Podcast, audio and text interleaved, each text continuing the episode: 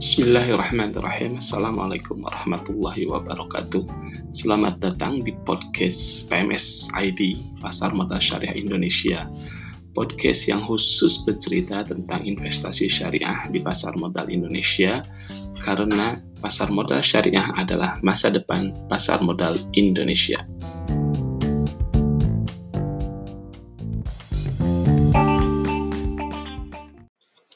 Dalam episode pertama kali ini, saya akan bercerita tentang sebuah pertanyaan mendasar. Apa sih pasar modal syariah?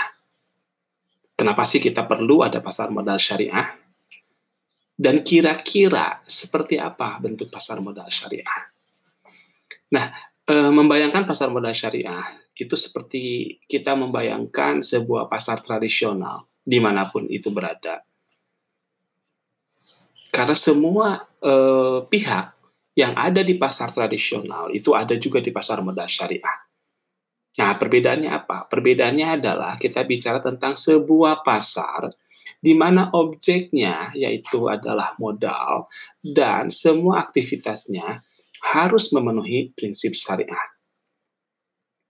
Artinya, jika kita ingin memahami pasar modal syariah, maka kita harus memahami pasar modal dan memahami prinsip syariah.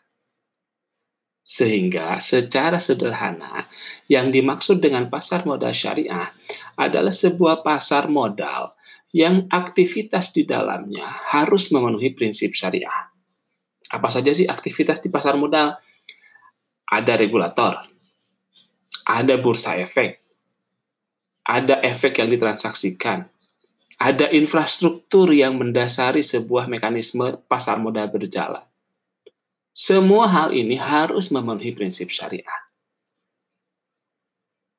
Oleh sebab itu, jika kalian ingin memahami pasar modal syariah, jangan lupa bahwa pertama, harus paham pasar modal.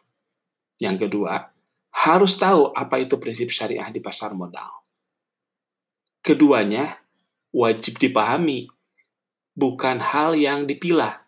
Misalnya, yang penting saya paham pasar modal, syariahnya nggak penting, ya itu namanya bukan pasar modal syariah. Atau sebaliknya, saya kan sudah paham tentang prinsip-prinsip syariah, saya kan jago banget di fikih muamalah. Ngapain saya belajar pasar modalnya? Ya berarti kalian itu adalah bukan mempelajari pasar modal syariah, tetapi mempelajari prinsip-prinsip syariah di pasar modal. Nah, kedua hal tersebut tidak boleh dipisah sehingga kita bisa memahaminya secara utuh. Pertanyaan selanjutnya, sebenarnya apa sih fungsi pasar modal syariah? Sama seperti keuangan lainnya, baik syariah atau tidak, sebuah industri keuangan fungsi utamanya cuma satu, yaitu sebagai intermediasi bagi kedua belah pihak. Ada orang yang bilang pihak yang membutuhkan dana dengan pihak yang e, mempunyai kelebihan dana. Ada orang yang bilang pihak sisi penawaran dengan sisi permintaan. Terserah, mau dari sisi mana kita melihatnya. Yang penting, fungsi pasar modal syariah seperti fungsi keuangan syariah lainnya, seperti fungsi keuangan industri industri keuangan lainnya, bukan syariah pun sama fungsinya, yaitu adalah sebagai intermediasi. Nah, terus apa bedanya kalau begitu? Perbankan syariah asuransi syariah dan pasar modal syariah kalau sama-sama sebagai fungsi intermediasi.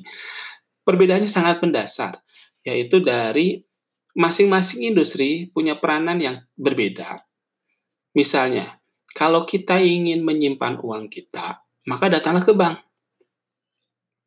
Kalau kita ingin menginvestasikan uang kita, datanglah ke pasar modal. Kalau kita ingin melindungi diri kita, melindungi aset kita, datanglah ke asuransi. Jangan terbalik, jangan salah fungsi, jangan salah industri. Sesuaikan dengan tujuannya. Masing-masing itu, masing-masing industri tersebut e, karena fungsinya berbeda, maka beberapa akad, beberapa prinsip syariah dalam penerapannya pun ada penyesuaian di masing-masing industri akan kita bahas nanti di, sektor, uh, di episode selanjutnya. Kembali ke pertanyaan awal. jika pasar modal syariah itu definisinya adalah pasar modal yang memenuhi prinsip syariah, maka pertanyaan selanjutnya adalah berarti ada lembaga atau ada sebuah institusi yang menjadi eh, yang menjalankan fungsi untuk memberikan guidance, memberikan eh, sebuah petunjuk menjalankan prinsip-prinsip syariah tersebut. Yes, ada di Indonesia namanya Dewan Syariah Nasional. Dewan Syariah Nasional ini fungsinya adalah menjadi eh, pihak yang mengeluarkan fatwa, di mana fatwa ini akan menjadi dasar bagi semua pelaku pasar modal syariah untuk menjalankan aktivitasnya. Sampai di sini clear ya, apa itu pasar modal syariah. Nah, dari definisi yang sangat sederhana tersebut, maka kita bisa memahami perbedaan mendasar antara pasar modal dengan pasar modal syariah, terletak di prinsip syariahnya.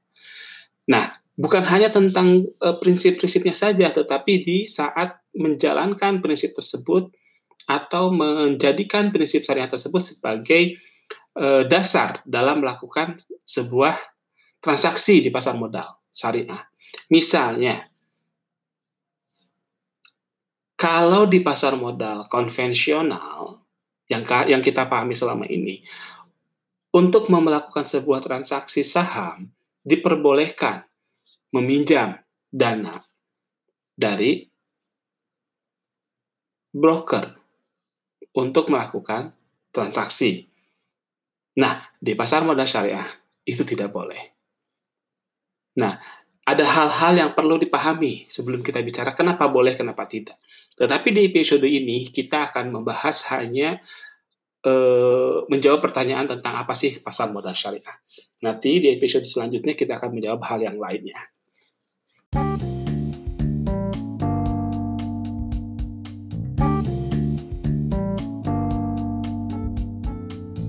Bismillahirrahmanirrahim.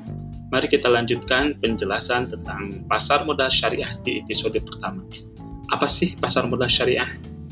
Nah, sebelum saya menguraikan tentang variabel yang bentuk pasar modal, saya akan sampaikan dulu sejarah kelahiran pasar modal syariah di Indonesia.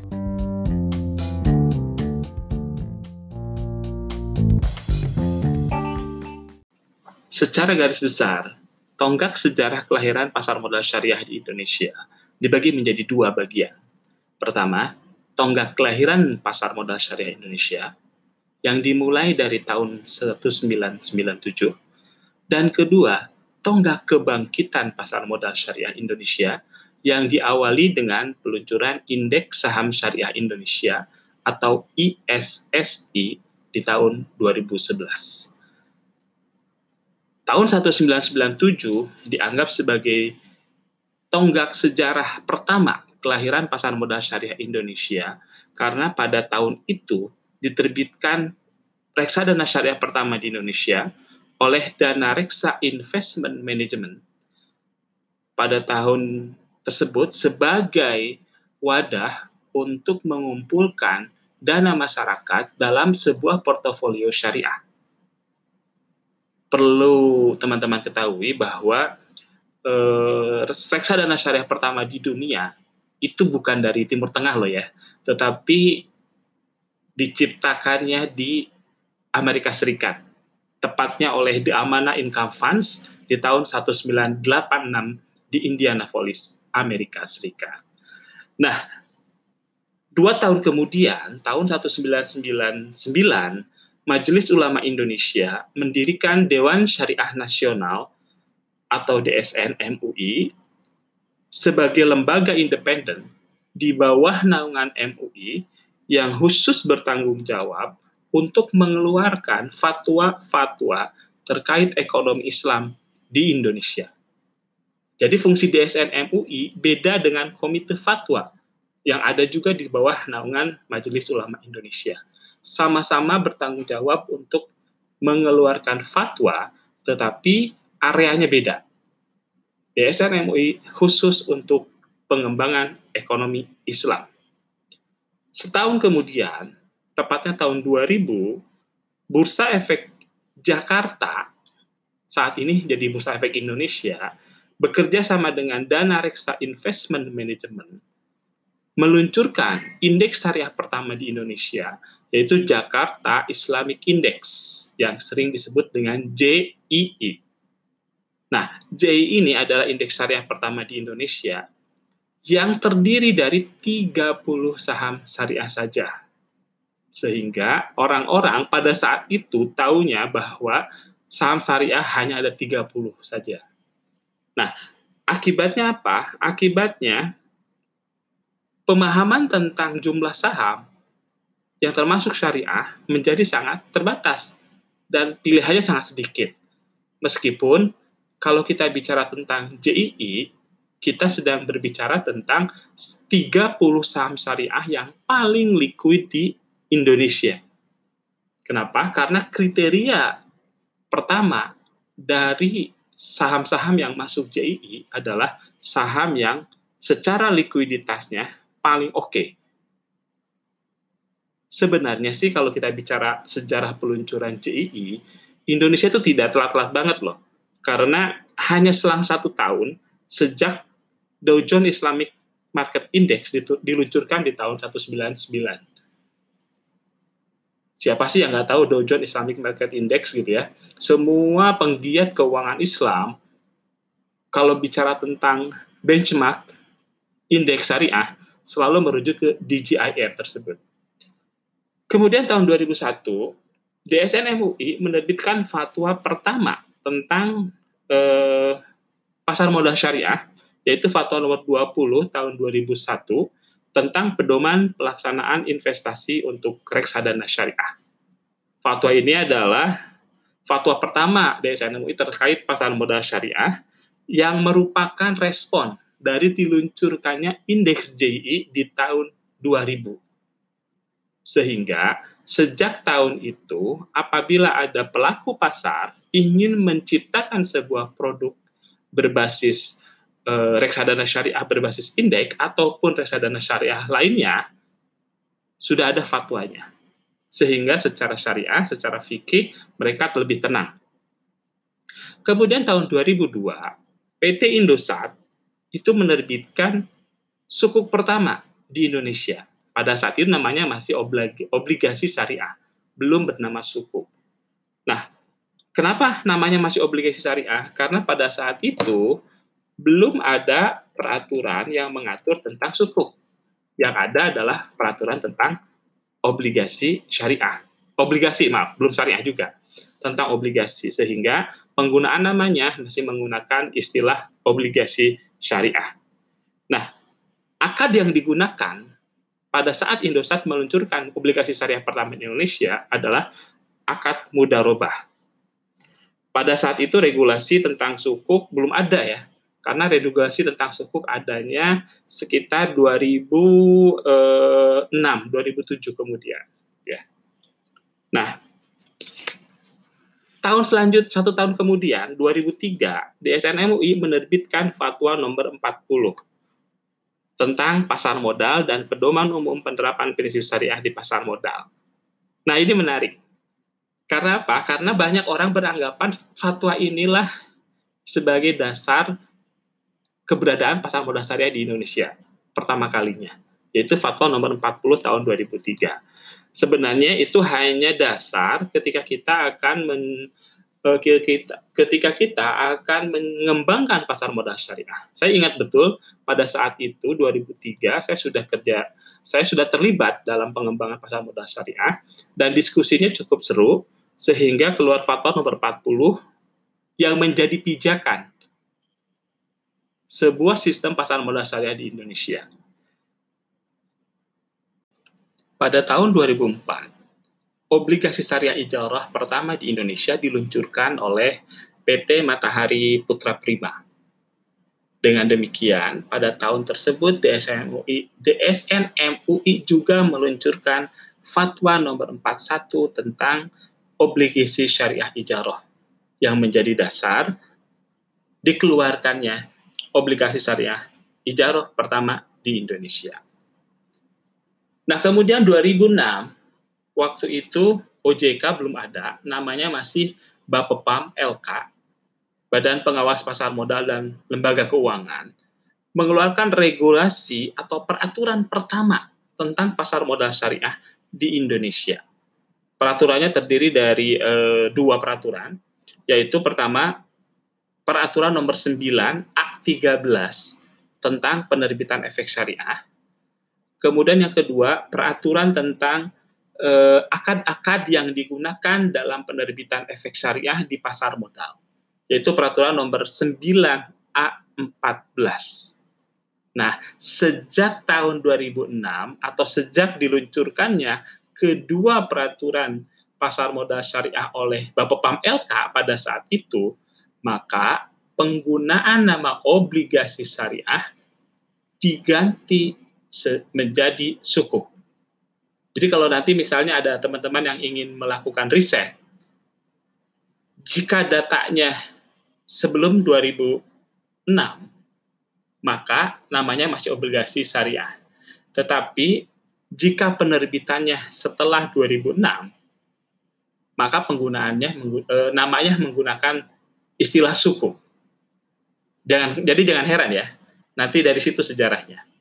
Kemudian satu tahun kemudian, yaitu tahun 2007, masih Bapak Pam LK menerbitkan peraturan 2K1 tentang kriteria dan penerbitan daftar efek syariah atau yang sekarang kita kenal dengan istilah DES.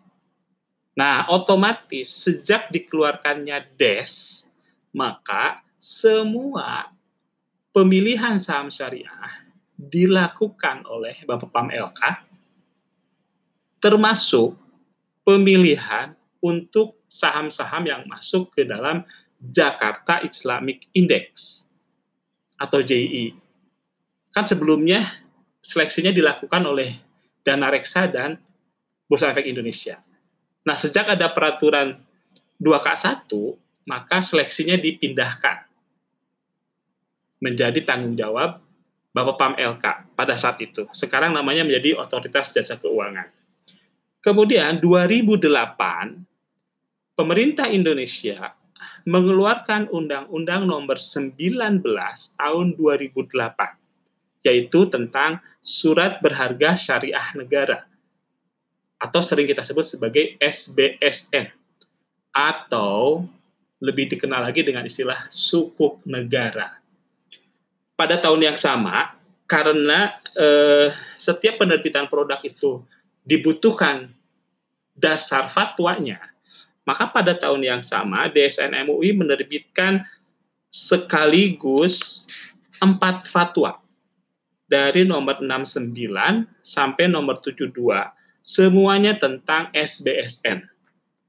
Pertama tentang SBSN-nya, nomor 69 Kemudian yang kedua tentang metode penerbitannya nomor 70. Kemudian tentang sell and leaseback nomor 71. Kemudian tentang ijaroh sell and leaseback khusus SBSN nomor 72.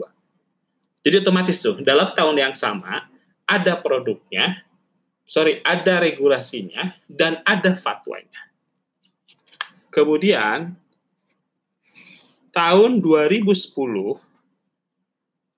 BI menyelenggarakan sebuah model bisnis edukasi pasar modal syariah pertama di Indonesia yang kita sebut dengan istilah sekolah pasar modal syariah atau SPMS.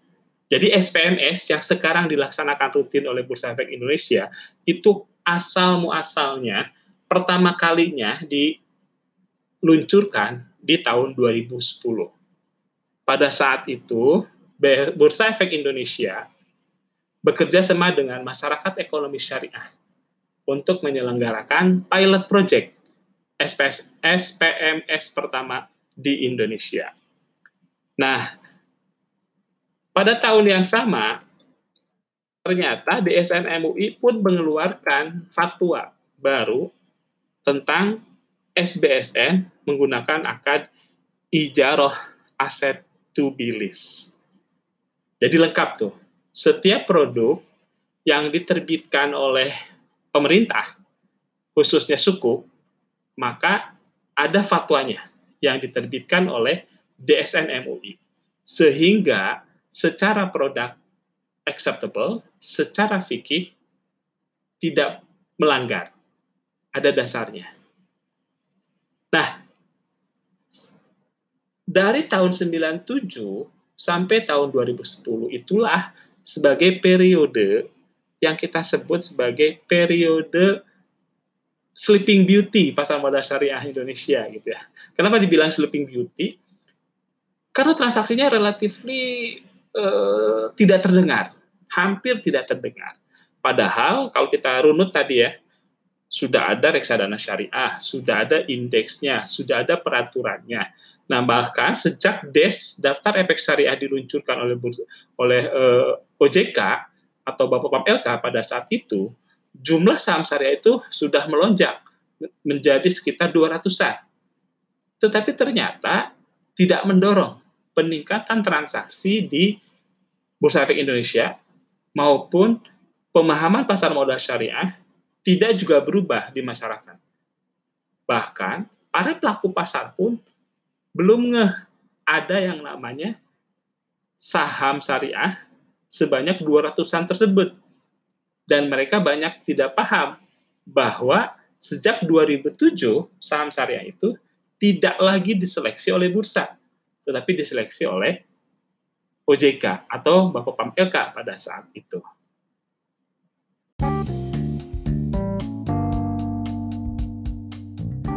Telah disebutkan sebelumnya bahwa periode pertama kelahiran pasar modal syariah Indonesia adalah dari tahun 1997 sampai dengan 2010. Nah, kenapa sejak 2011 disebut sebagai periode kebangkitan pasar modal syariah di Indonesia?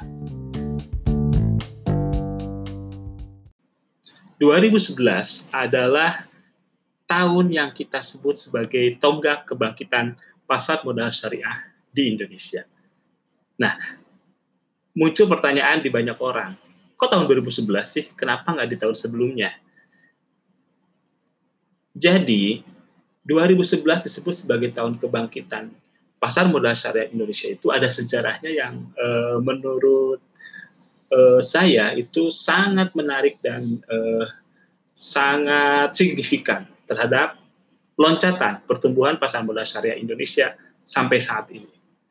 Apa sih yang menyebabkan tahun 2011 disebut sebagai tahun kebangkitan pasar modal syariah Indonesia.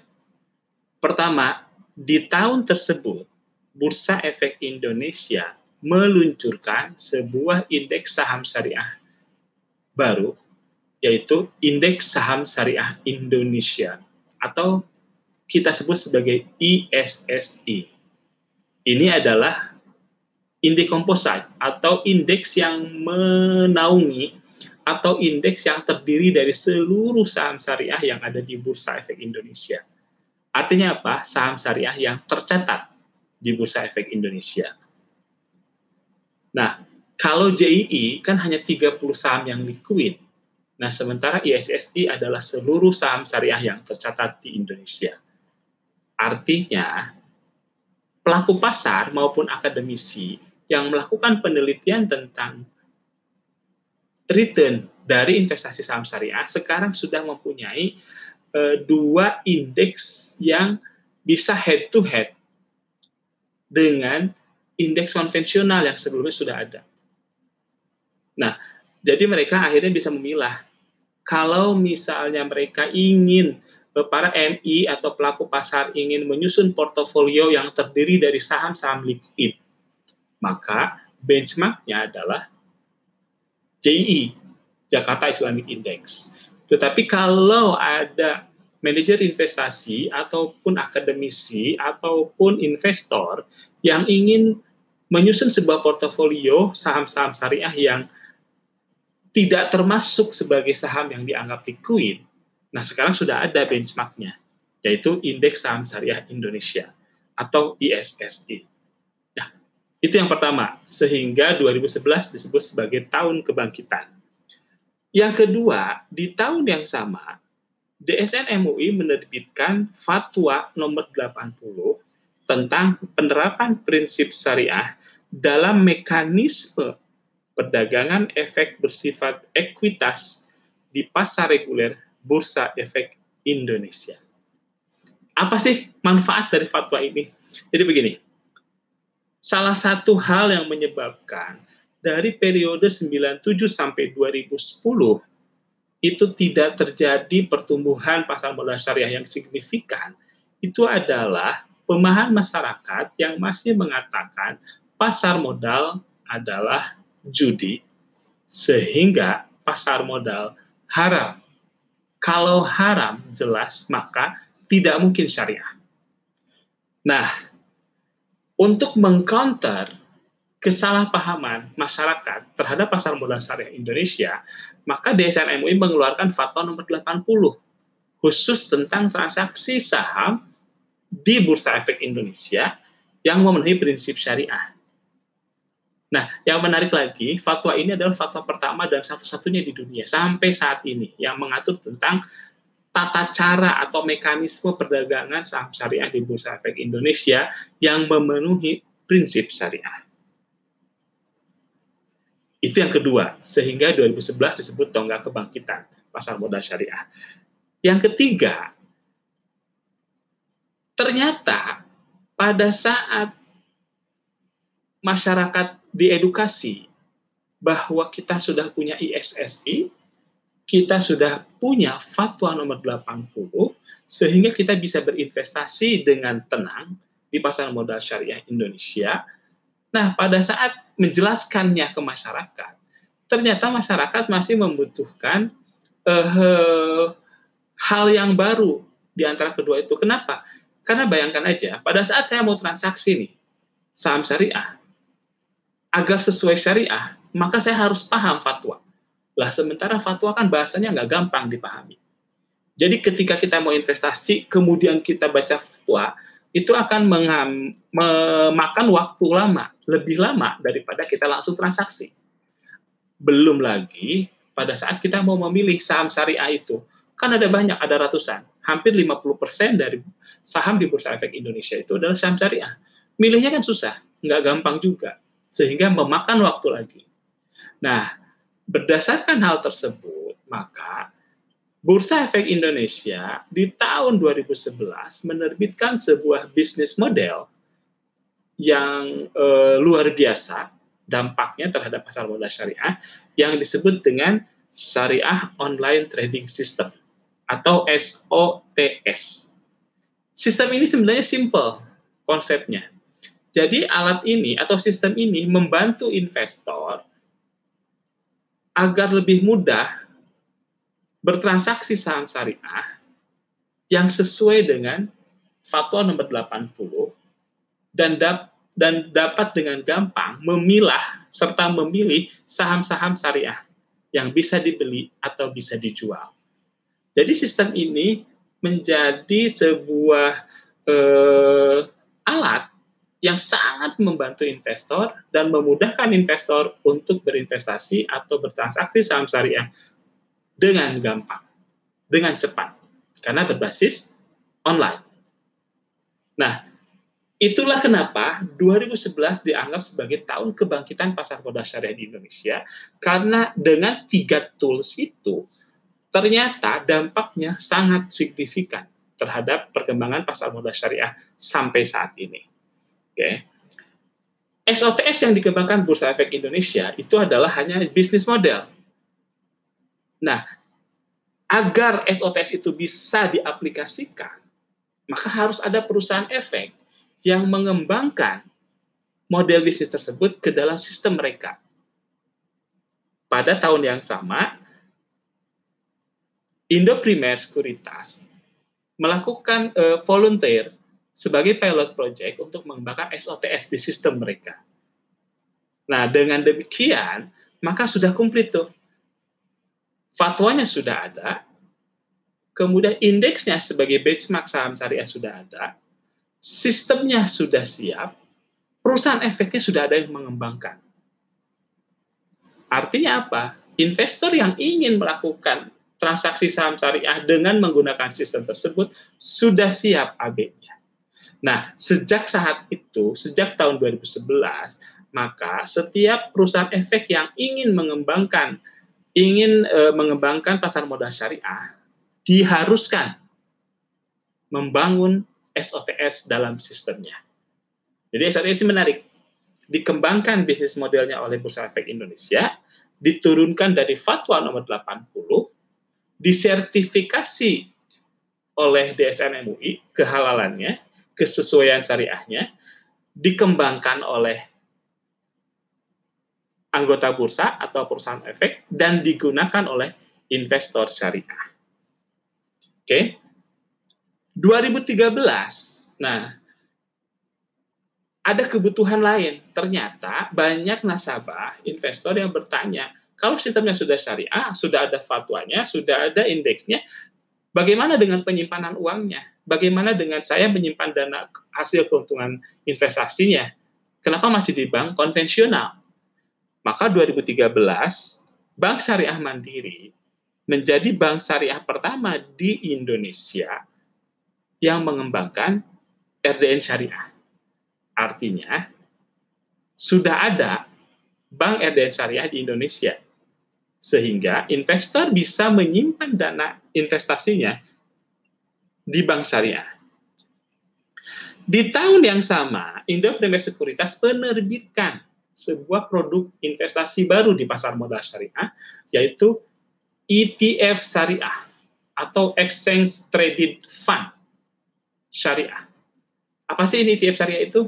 Nanti di uh, edisi atau episode efek syariah saya akan jelaskan lebih detail. Intinya ETF ini adalah uh, cara transaksinya seperti saham. Bisa ditransaksikan secara real time di Bursa Efek Indonesia, tetapi kategorinya dimegolongkan sebagai reksadana syariah oleh OJK. Kemudian di tahun 2014 Bank Panin Syariah waktu itu namanya masih Bank Panin Syariah menjadi emiten syariah pertama di Indonesia. Nah, apa sih emiten syariah bedanya dengan saham syariah? Jadi e, kalau saham syariah itu adalah saham yang diseleksi dan lolos syariah, sementara emiten syariah itu adalah perusahaan yang di anggaran dasarnya menyatakan sebagai perusahaan syariah. Nanti di episode yang khusus membahas itu akan saya uraikan. Kemudian di 2015, Bursa Efek Indonesia mengembangkan satu moda bisnis baru lagi yang disebut Galeri Investasi Syariah. Yaitu sebuah galeri mini eh, yang ditempatkan di kampus, waktu itu masih di kampus, yang berisi tentang sebuah semua transaksi eh, pasar modal syariah, khususnya saham syariah. Nah, 2015 kita mendirikan GIS eh, Pasar Modal Syariah Indonesia mendirikan Galeri Investasi Syariah pertama atau GIS pertama di Indonesia di Universitas Islam Indonesia di Jogja. Nah, pada tahun yang sama juga OJK melakukan banyak perubahan dalam struktur regulasinya sehingga di 2015 OJK menerbitkan enam peraturan baru tentang pasar modal syariah gitu ya. Pertama tentang uh, peraturan OJK nomor 15 tentang penerapan prinsip syariah di pasar modal. Kemudian peraturan OJK nomor 16 tentang ahli syariah pasar modal.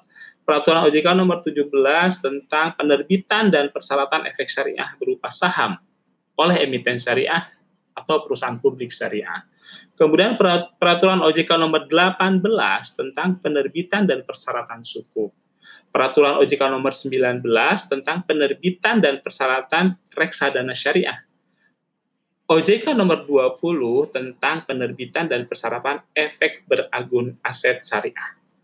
Jadi eh, tadi berapa? Lima peraturan tersebut adalah pecahan dari peraturan OJK sebelumnya, sehingga lebih detail lagi diaturnya. Tahun 2016, Bursa Efek Indonesia mulai diakui itu oleh dunia sebagai salah satu pasar modal syariah yang harus diperhatikan di level dunia. Buktinya apa? Bursa Efek Indonesia mendapatkan penghargaan eh, internasional pertama tentang pasar modal syariah dari Global Islamic Finance Award. Di tahun yang sama pun OJK menerbitkan dua peraturan baru, yaitu Peraturan nomor 30 tentang dana investasi real estate syariah berbentuk KIK dan nomor 61 tentang penerapan prinsip syariah di pasar modal pada manajer investasi. Nah, ini menarik. Sampai saat ini pasar modal syariah Indonesia sudah mempunyai peraturan sekitar 10 peraturan OJK yang khusus tentang pasar modal syariah. Nah, di 2017 sampai dengan sekarang pasar modal syariah Indonesia membe, uh, apa, menciptakan produk-produk baru, inovasi-inovasi baru di, di pasar, sehingga kebutuhan investor untuk berinvestasi semakin lengkap. Yang paling signifikan adalah Bursa Efek Indonesia mengembangkan uh, produk berbasis filantropi Islam. Jadi menggabungkan sebuah pro, menciptakan sebuah produk yang merupakan gabungan dari filantropi yaitu zakat, wakaf, infak dengan saham syariah sehingga muncullah produk zakat saham, muncullah produk wakaf saham. Nah, itulah sebabnya kenapa sejak 2011 pasar modal syariah dianggap sebagai eh, pasar modal yang bangkit kembali dari tidur yang nyenyak.